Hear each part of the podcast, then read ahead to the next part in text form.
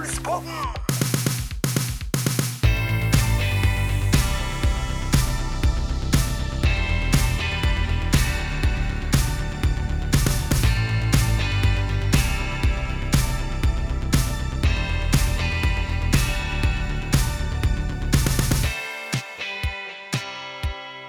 Ja, endelig en ny Impulspodden-episode, Thomas. Ja, vi har eh, hatt litt hvile. Vi har det. Eller ikke egentlig, men vi har, vi har hvilt podden litt. Ja. Ja. Og så nå er det back on track. Ja. Og i dag så veit jeg du gleder deg Ja. ekstremt mye. Fordi vi skal snakke om, med en helt av deg, holdt jeg på å si. ja, det vil jeg si. Mm. Og vi skal inn på eh, din eh, hva skal man kalle det for noe, hjemmebane, holdt jeg på å si. Altså fotballen. Ja. Ja. Det er en del av meg som har tenkt bare, ja, Hele denne konseptet med Impulspodden er litt sånn eh, det, det er egentlig et, et dekke for at jeg egentlig har lyst til å ha en fotballpod. Så jeg har, jeg, jeg har tenkt på Velkommen vedkommende egentlig helt siden starten. Mm. Uh, men det er òg fordi han, han har en, en veldig bevisst tro på Jesus, og jeg, jeg gleder meg vanvittig mye til å høre han, eh, hvordan det er å være liksom en, en, en leve av fotball og samtidig ha, eh, ha Jesus med i hverdagen. da. Syns det er kjempespennende. ja, sant. Ja, jeg håper også vi får med dette med å ha med Jesus i hverdagen, da. Ja, Det blir- ja, for det kan, det kan være at jeg, jeg graver meg litt sånn ned i, i fotballnerding og sånn, for det, det er jo noen ting jeg er litt spent på der òg, da. Så Ja. da. Og kanskje det blir litt interessant for noen av lytterne våre òg. Mm, det tror jeg definitivt. Det er rom for begge deler. Det blir bra. Kan ikke du ta altså introdusere? Yes. Eh, vedkommende har eh, gått gradene. Eh, Vigrestad, Bryne, Viking, og så var han jo innom da òg ungdomslandslaget i eh, sin eh, spede ungdom. Eh, Vidar Nisje. Vidar Nisje har en eh, Og for dere, iallfall dere som er eh, lokale her i Rogaland, dere vet at Vidar Nisje har en stor stjerne hos Viking-supportere. Så eh, dette blir sykt spennende. Det blir utrolig spennende. Vi kjører i gang. Vi går for det. ja.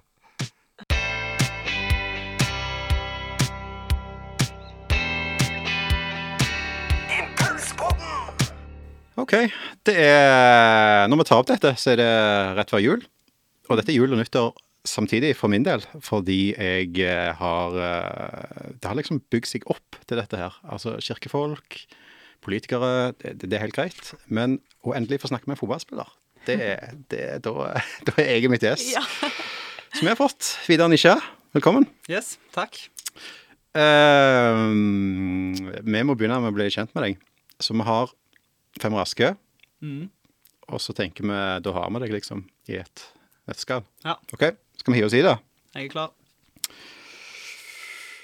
Uh, helg eller hverdag? Hverdag. Hmm. Yve Røsler eller Åge Hareide? Å, det er et godt spørsmål. Um, jeg må si Åge. Jeg fikk spille mest under han. Bra. Eh, Paulus eller Salmene? Paulus. Manchester United eller Liverpool? Liverpool. Takk. Går ikke an å heie på United. Nei, takk. Eh, og så er det eh, sushi eller Nugatti-skive? Den gamle Vidar møter den nye.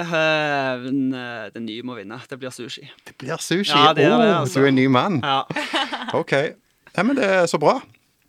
Du, med, med det sagt, så er vi her for å hente opp eh, gamle Adam. Vi skal bli kjent med deg og historien din og reisen din. Så jeg har gravd. Eh, du må hjelpe meg litt, Chris Anne. Eh, for jeg vet i utgangspunktet at du er glad i Nugatti-skive. ja, det Så stemmer. vanlig, vanligvis så pleier vi å, å Oi. Ja, må du ta det rolig. og så vet vi at du liker cola. Ja, det stemmer. For å være ærlig, når jeg har gravd litt i kostholdet ditt, det er jo del av å lage en profil, eh, så fikk jeg bare stort sett tilbake dette her Nei, alt går i grisen. så det var, eh, det det, var liksom, det var så konkret jeg fikk det, da. Så vær så god. Det er Nugatti-skive. Det er surdeigsbrød, da. Oi. Er det ja. bra? Ja, det går. Og så og glass eh, cola. Ja, jeg tror vi starter med cola. Så du kan vede væde eh, granen. Oi. Ja, Oi! jeg gjorde det med min. Ja, det vil jeg tro. Veldig bra. Det er en god start. Nydelig. Det er cola, det blir bra. Ja, Vi, har, vi begynner rett på med lyttespørsmål også. De gleder jeg meg alltid veldig til. Og da har vi fått inn et spørsmål fra Anne Haugstad. Ja. Det er brukernavnet. Mhm. Hvilket av dine verk fra diktsamlingen din er du aller mest fornøyd med selv? Ehm, åh, det er et godt spørsmål. Det er mange å ta av. Men jeg tror kanskje jeg kjenner ei lita jente som heter Bente. Oi! Ja. Ja, Har du lang karriere innen inn dikt, eller åssen er det? Nei, ja, lang fartstid, men ikke så mange verk. Så, men det har blitt litt meg og Anne har sendt noen eh, fram og tilbake når vi har, eh, har uh, fylt året. Og så har det vært litt, hvis jeg ikke har hatt noe annet å skrive om på eksamen eller tentamen, så har jeg av og til dratt i nødbremse og skrevet et dikt. Så håpet at uh, Har det hjulpet? Det har ikke vært så verst, altså. Nei. Det har vært OK karakterer. Ikke verst. Funker det på kona? Nei, hun har ikke fått så mange. Hun fikk vel ett i bryllup. Utenom det så har det vært lite. Ja. Men du har en diktsamling. Er det mer sånn for moro skyld, eller er det, er det eller, Ja, det, det var mest ifra når jeg var liten at jeg skrev det. Ja. Så det var, men da var det litt Da førte jeg det faktisk opp og hadde Du, du la litt prestisje i det. Ja, Ja, men eh, det har vært lite de siste åra. Veldig lite. Du, eh, det er utrolig kjekt å ha deg her. Jeg, jeg har spesielt gleda meg, fordi, fordi um, fotball var jo en lidenskap for meg eh, før musikk var det, og før, Jesus òg, egentlig. Så hadde, jeg hadde sterkere forhold til fotball i ungdomstida mi. Um, jeg tenkte eh, Vi kunne sikkert starta tidlig, men si 18 år, da. Um, 2004 ca. Og 17-18 år tenker jeg er en ganske sånn viktig alder i forhold til om en skal leve av fotballen eller ikke. Um, jeg fikk dame, så da slutta jo den karrieren ganske hardt og brutalt. Det var eneste grunnen Ja. til at han slutta. Hadde nok noe med BMI-en òg å gjøre. men eh, men eh, det, det, var, det, det var de to hovedårsakene. Så, Ja, så der, ja. der ble det bråstopp på min fotballkarriere. Mm. Eh, men si når du var 17-18, da. 2003-2004. eh, hvordan ser det ut? Altså, altså Var det veldig tydelig for deg fra starten at det var fotball du ville leve av? Ja, det var egentlig det. Altså Helt fra jeg var liten fram til jeg skrev min første kontrakt med Bryne. Med A-lag når jeg var 17, så var det på en måte fotballspiller som både var, var drømmen og, og målet. Um, og også i den tida så, så var det egentlig det. Jeg hadde kontrakt med, med Bryne og spilte der. Men allikevel, sånn som du sier rundt den tida, det er en viktig tid fotballmessig, men det var en viktig tid i forhold til at du forhåpentligvis blir litt voksen. Og, og for min del så var det jeg var vel 18 eh, slutten av 2004 mot 2005, så hadde jeg en sånn eh, ja, litt kamp da, i forhold til skulle jeg, jeg tenkte litt sånn logisk OK, hvis du skal nå mest mulig for, eh, for Jesus, påvirke mest mulig liv, hva skal du da gjøre? Er det på en måte fotball, som jeg hadde veldig lyst til? Men i mitt hode så var det litt sånn logisk at da bør du egentlig bli misjonær og reise til Afrika. Nå utenat folkeslag og hele, hele den den tingen der. Eh, problemet var bare at det hadde jeg ikke lyst til. Så det ble på en måte en sånn en kamp. Skal du gjøre det du har lyst til, eller skal du gjøre det som påvirker mest, eh, mest folk, tenkte jeg da. Ja.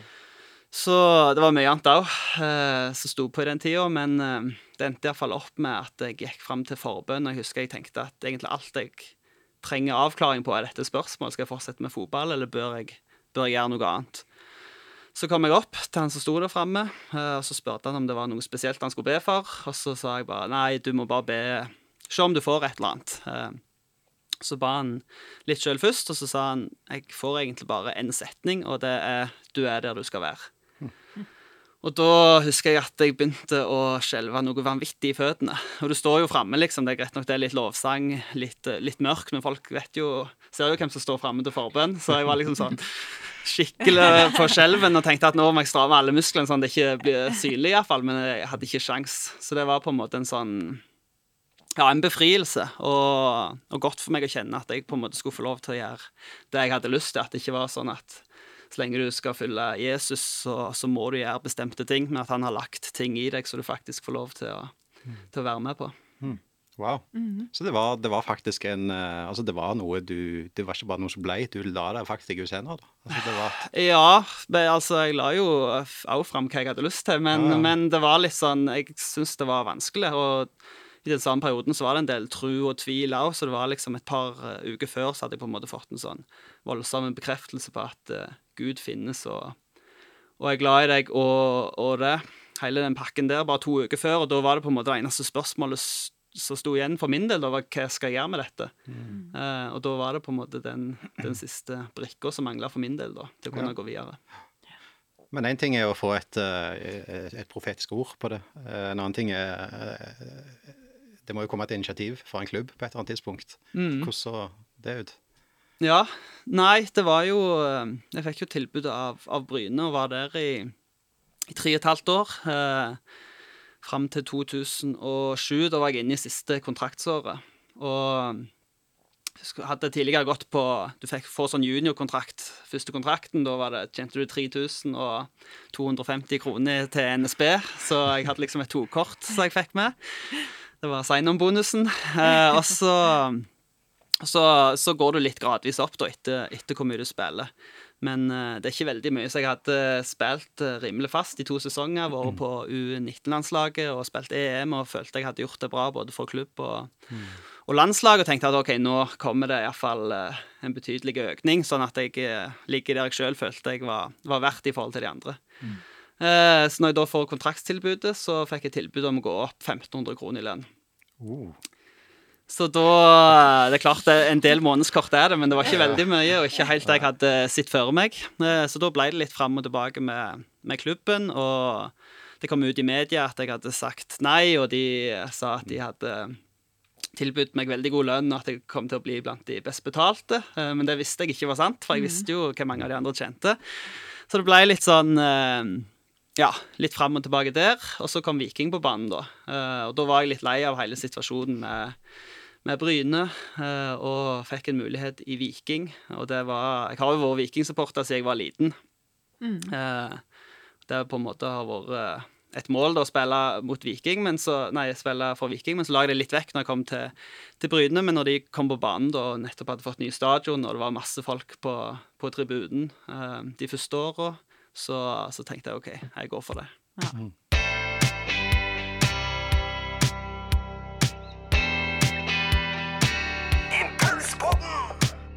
Men du, apropos uh, den overgangen der, da.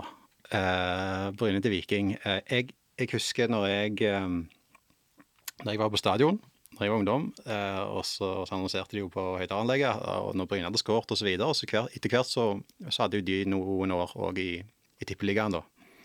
Jeg husker når Bryne skårte, så, så, var det en del av meg som jubla, for jeg hadde lyst til å se der no, lokaloppgjøret, da. Ikke sant? Altså, Bryne var en sånn, var en sånn kjekk nummer to å holde med.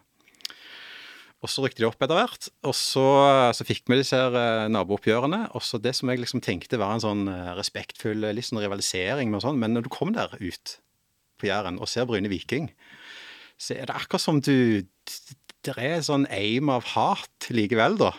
Skjønner, ja, skjønner ja, du hva jeg mener? Altså, det, er ikke, det, det, er ikke det, det, er ikke Viking Sandnes Ulf, liksom. Eller Nei. Viking Vidar. Eller det, det, er en annen greie der. Og så når, jeg tenker når du går fra, fra Bryne til, til Vikings, og det, ser, det, så vi jo i kommentarfeltene og artiklene som ble skrevet osv. Altså, folk var jo ganske de hadde ganske sterke meninger om den overgangen, da. Mm. Hvordan oppleves det å for, for, deg er jo det Du har jo forklart hvordan bakteppet var. Eh, og du er ung fotballspiller og har lyst til å nå så langt du kan antar jeg. Det er jo utgangspunktet. Mm. Eh, og så kommer en sånn mulighet, og så er det, er det folk som, som offentlig òg i avisbildet, mener utrolig mye det og veldig sterkt om det. Hvordan er det for en fotballspiller? Nei, det er klart det var jo litt nytt for min del. For tidligere så, så hadde jeg bare spilt for Bryne. Uh, og skulle skifte til, til, Viking, det er jo noe du i utgangspunktet ikke gjør. Uh, Iallfall hvis du ser ifra Bryne-supportere sitt synspunkt. Og det var mye, mye tilbakemeldinger. Altså, jeg fikk meldinger, jeg ble ringt opp eh, spesielt i helgene, midt på natta. Eh, det var folk som sykla forbi og ropte Judas. Det var folk som sa de skulle brenne drakta mi. Eh, det var litt synd for han, for han hadde kjøpt mange, men, men allikevel. Så det var en god del. Og så midt oppi det så var jeg Jeg er ikke så veldig glad i store omveltninger i livet, så på en måte etter jeg hadde sagt ja til Viking, så kom den der Uff, hva har jeg gjort nå? Eh, er dette rett? Hvordan ser det ut? Så jeg hadde på en måte litt nok bare med meg sjøl, og så kom alt dette her i tillegg, da. Mm. Så det er klart, det var, det var utfordrende. Men, eh, men var- sett i ettertid så var det jo mye læring i det, og det var, det var jo det rette valget. Men du er 18 år, liksom. Altså, det er jo, det er jo ungt å skulle få så mye feedback. Uh, tenker jeg. Altså, men men uh, prater du noen gang om noen som har stått i samme situasjon, liksom, og, og tok en sånn overgang? E- Eller, eller skreller det bare av deg? Altså, eller får du sånn profesjonelt forhold til det ganske tidlig? Ja, jeg tror jeg fikk litt profesjonelt forhold, for jeg, jeg er nokså god til å legge ting bak meg. Så på en måte, når ting har skjedd, så har det skjedd, og så er jeg på en måte ferdig med det. Ja. Så det er ikke alltid jeg dveler så mye med det. Uh, så det var mer sånn ja, litt interessant når det sto på. Og det er klart, eh, av og til skrudde jeg av mobilen om, om nettene, eh, spesielt i helgene. Men, eh, men, men det gikk relativt fort over. Det var noe som sto på der og da, og jeg tror en del av de visste jo ikke en, mye av det som lå bak. Ikke hadde jeg sagt det, og ikke var det noe så Så jeg hadde noe sånn stort behov for å si heller, mer enn at de visste at vi ikke hadde blitt enige. Så Men uh, som sagt så gikk det relativt fort over. Men det var en interessant erfaring. Ja, ja. Det jeg graver litt i det, er jo Bortsett fra at det, det, det, det er gøy for en fotballsupporter, så er det jo òg det Jeg tror mange kristne ungdommer òg ja, i hvert fall kjenner på den greia å altså, bli stigmatisert, da, eller at, at, at, at du får et stigma på deg. Eh, der du, du er kristen, og så er det fryktelig mange folk på skolen eller i jobben som mener fryktelig mye om det. da. Mm. Og, så- og så er du nødt til å få et sånn ja, Enten må du på en måte resignere i det da, og, og feige ut, eller hva det måtte være, eller så må du på en måte stå opp for valget den tar. da. Mm. Og det er jo det som er, det er jo kult å se hvor tidlig du, du ble robust av det, da. Virker det som. Så det er Apropos det. Vi har et nytt eh, lytterspørsmål. Eh, det er fra Alf Nyhus.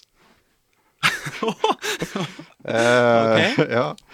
Eh, han eh, Det, hvem er det? ja, nei, han skriver da eh, Fantastisk at Viking endelig fikk cupgullet sitt. Men Viking hadde allerede fått det i 2015, dersom Vidar hadde fått muligheten i semien mot Sarpsborg fremfor Kiefer Moore, skriver han. Men så kommer spørsmålet. Hvor mye betyr egentlig støtten og den eventuelle mangelen på støtte i kommentarfeltene for fotballspillere? Ehm, det tror jeg Det betyr nok Altså, Alf er jo en av mine største fans.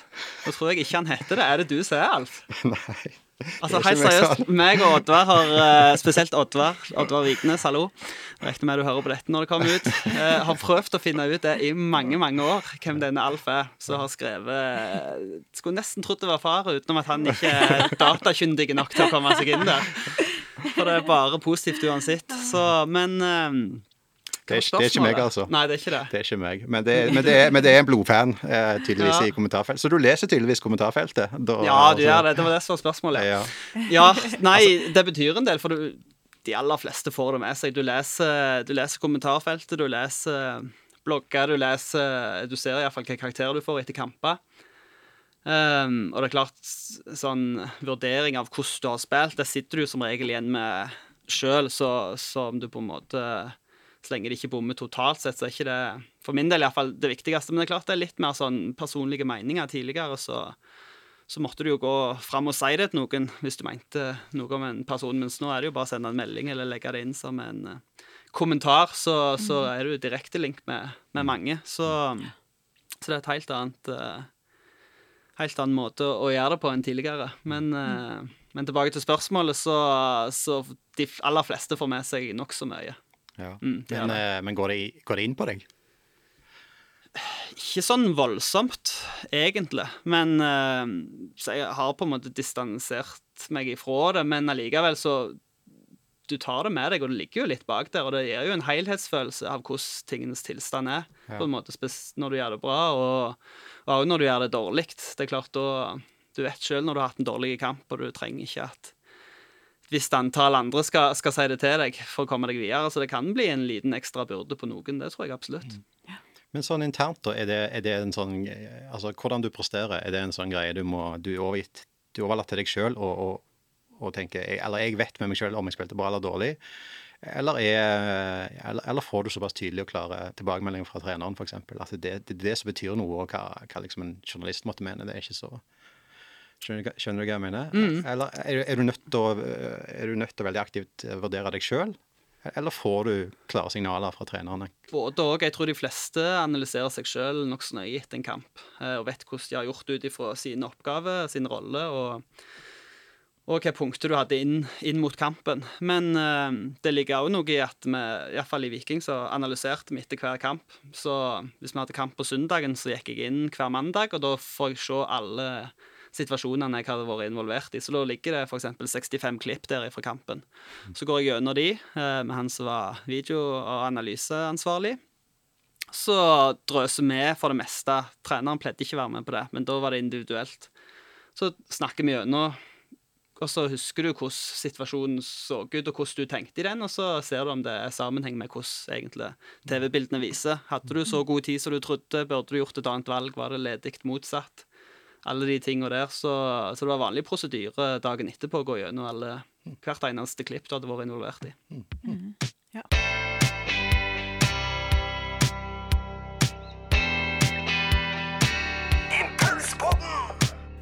Vi snakker oss litt gjennom eh, på en måte karrieren din, med, med Bryne, og så Viking. Og så i 2016 så er du tiltenkt eh, kapteinsbindet, eh, og aller helst kanskje det å lede Sandnes Ulf til Tippeligaen. Men så skjer det noe. Eller på privaten så er det noe som skjer som setter livet litt i et annet lys, kanskje. Eh, hvordan vil du beskrive de siste to til tre åra? Um, veldig interessante. Det var, altså Målet med å gå til Sandnes var at vi skulle rykke opp første året. Det var på en måte det soleklare målet. Eh, hadde jeg følt at vi ikke hadde muligheten til det, så, så hadde jeg ikke gått der. Eh, og Det var litt av grunnen til at Brynau var inne i den prosessen, men det, der eh, så jeg det sånn at de, de Jeg trodde ikke de kom til å få den muligheten, mens det syns jeg vi burde klare med både de spillerne som var i Sandnes Ulf, og de som jeg visste var på vei inn, som var gode spillere. Eh, men det ble eh, på en måte sportslig, så ble det jo en egentlig nokså stor nedtur. Det starta bra, Vi ble kaptein og gikk bra i, bra i treningskamper og alt slags sånn. Og så ble litt skada, var litt ute av det. Og så var vi òg i gang med en adopsjonsprosess, eh, meg og Martha. Så, så vi starta ca. likt som jeg begynte i, i Sandnes Ulf. Så tok det ett år å bli ferdig i med den norske delen, og så sto vi på ventelista i, i Taiwan. Og da fikk vi tildeling i, i april 2017. Og gikk egentlig og venta, venta på den. Eh, så privat så var det veldig spennende. Spennende tid med, med mye inntrykk. Og, men sportslig så, så ble det egentlig en, en nedtur, og vi nådde aldri målene, verken som jeg satte for meg individuelt, eller med, som vi hadde som klubb.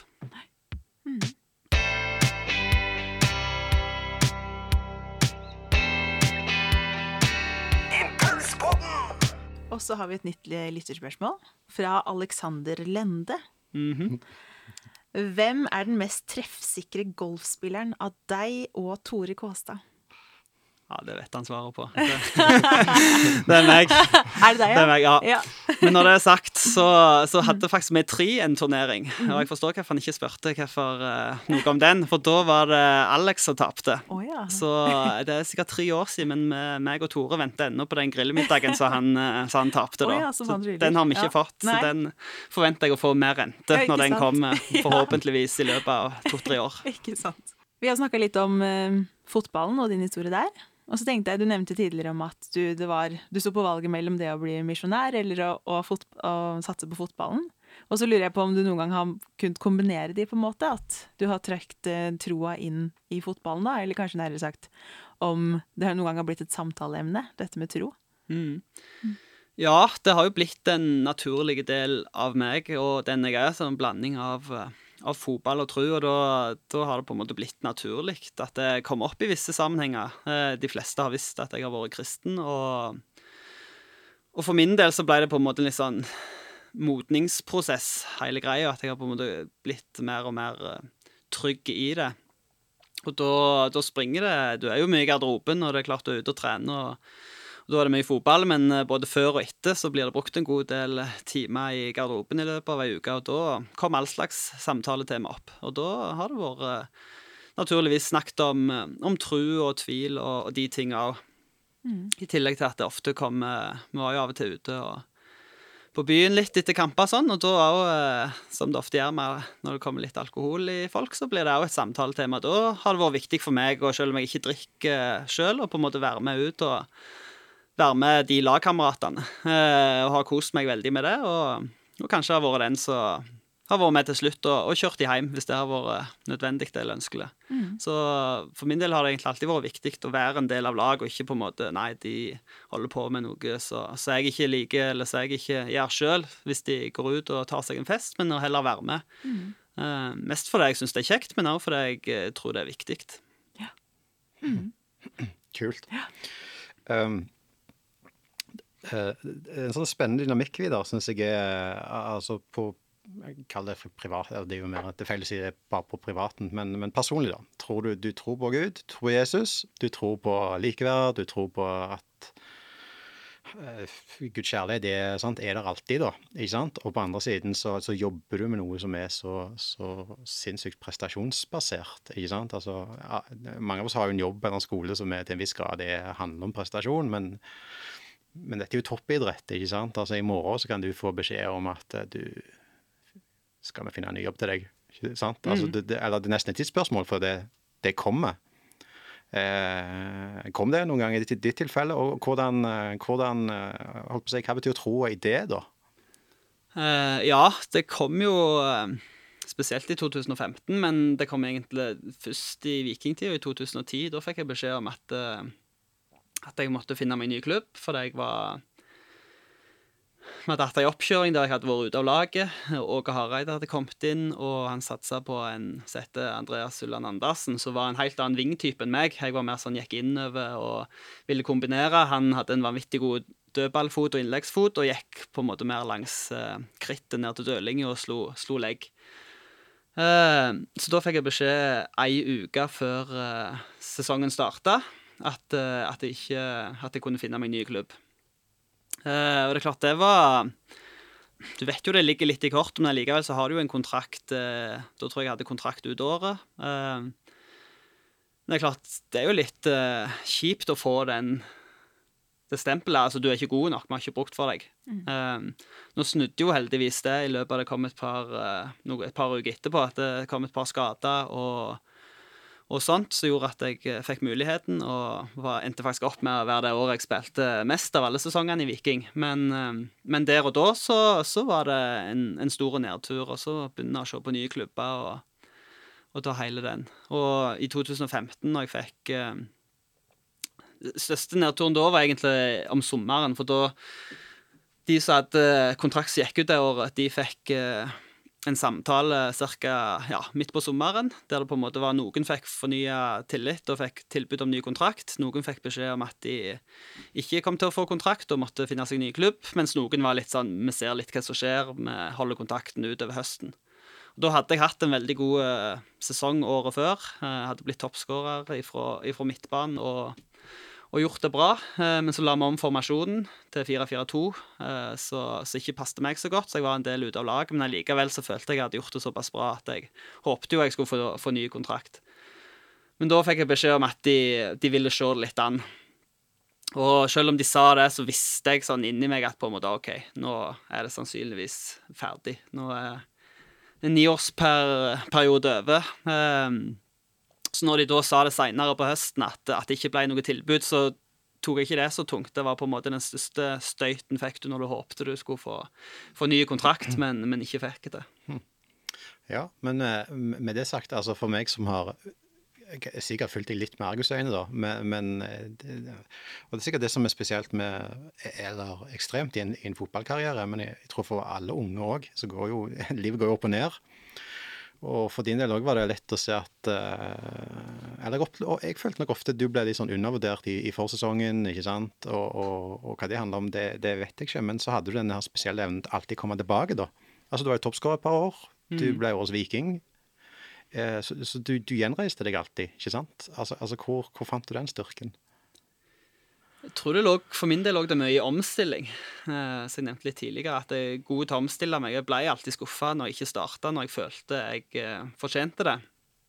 Men så var det sånn OK, nå, nå er det sånn, da må jeg bare ta situasjonen der han ligger, og da får jeg komme inn og så gjøre det best mulig ut ifra de mulighetene jeg får der. Um, og det var jo noe folk ofte sa til meg òg, liksom. Ja, ja, men du, du kommer jo alltid tilbake, eller du får jo alltid forlenga kontrakt. Men, men jeg merka det litt på slutten sjøl òg, at etter en stund så er det, liksom, det er litt begrensa hvor mange ganger du klarer å omstille, omstille, omstille uten at det på en måte påvirker deg. Eh, så for å være helt ærlig, så, så, var jeg nok litt trøtt og kanskje litt metta på slutten òg. På en måte den der alltid føler at du må kjempe på ny for å få, det, for å få de mulighetene du iallfall av og til følte du fortjente. Mm. Mm.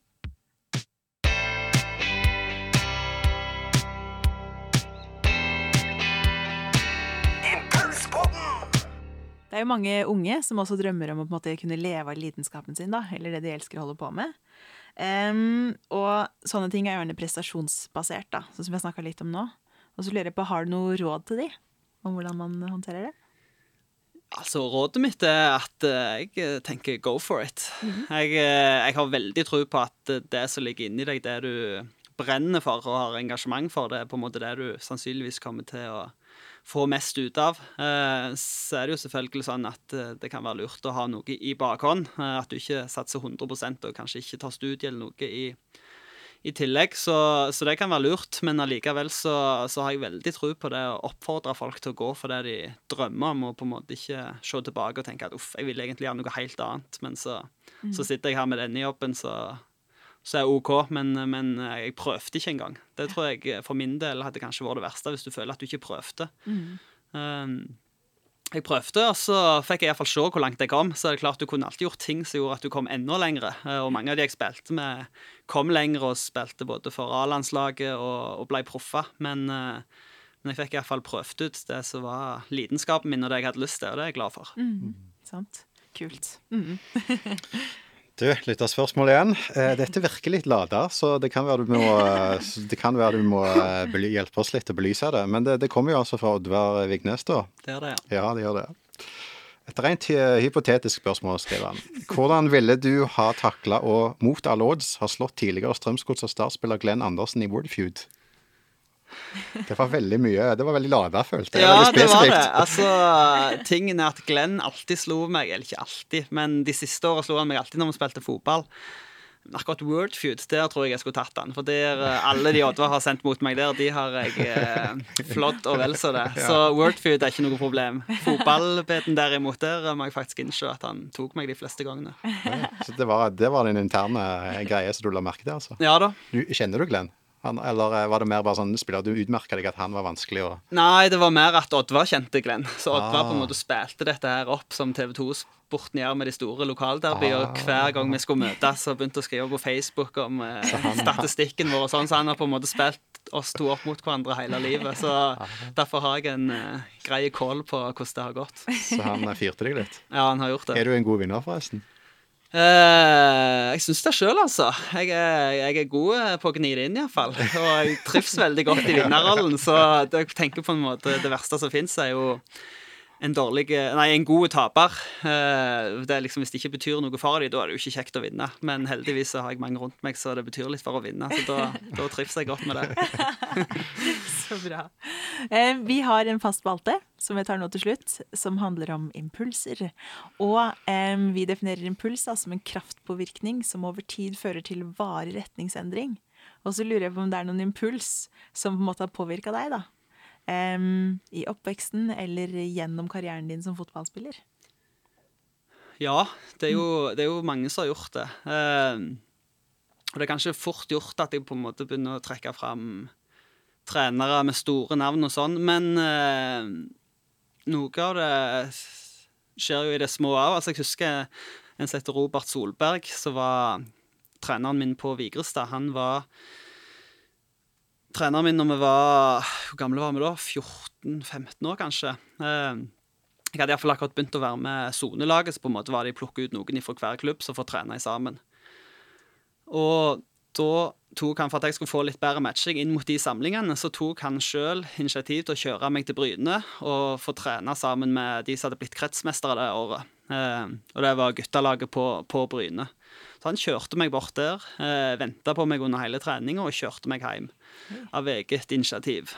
Og det har jeg tenkt på ettertid, at det kan godt være at jeg ikke hadde fått den karrieren jeg hadde fått i det hele tatt, hvis det ikke var for at han gjorde det. For det ble på en måte min inngangsport til når vi gikk fra elverfotball til sjuerfotball på Vigrestad, for det var så mange som slutta. Så hadde jeg allerede en link inn til Bryne. At OK, da kan jeg fortsette der.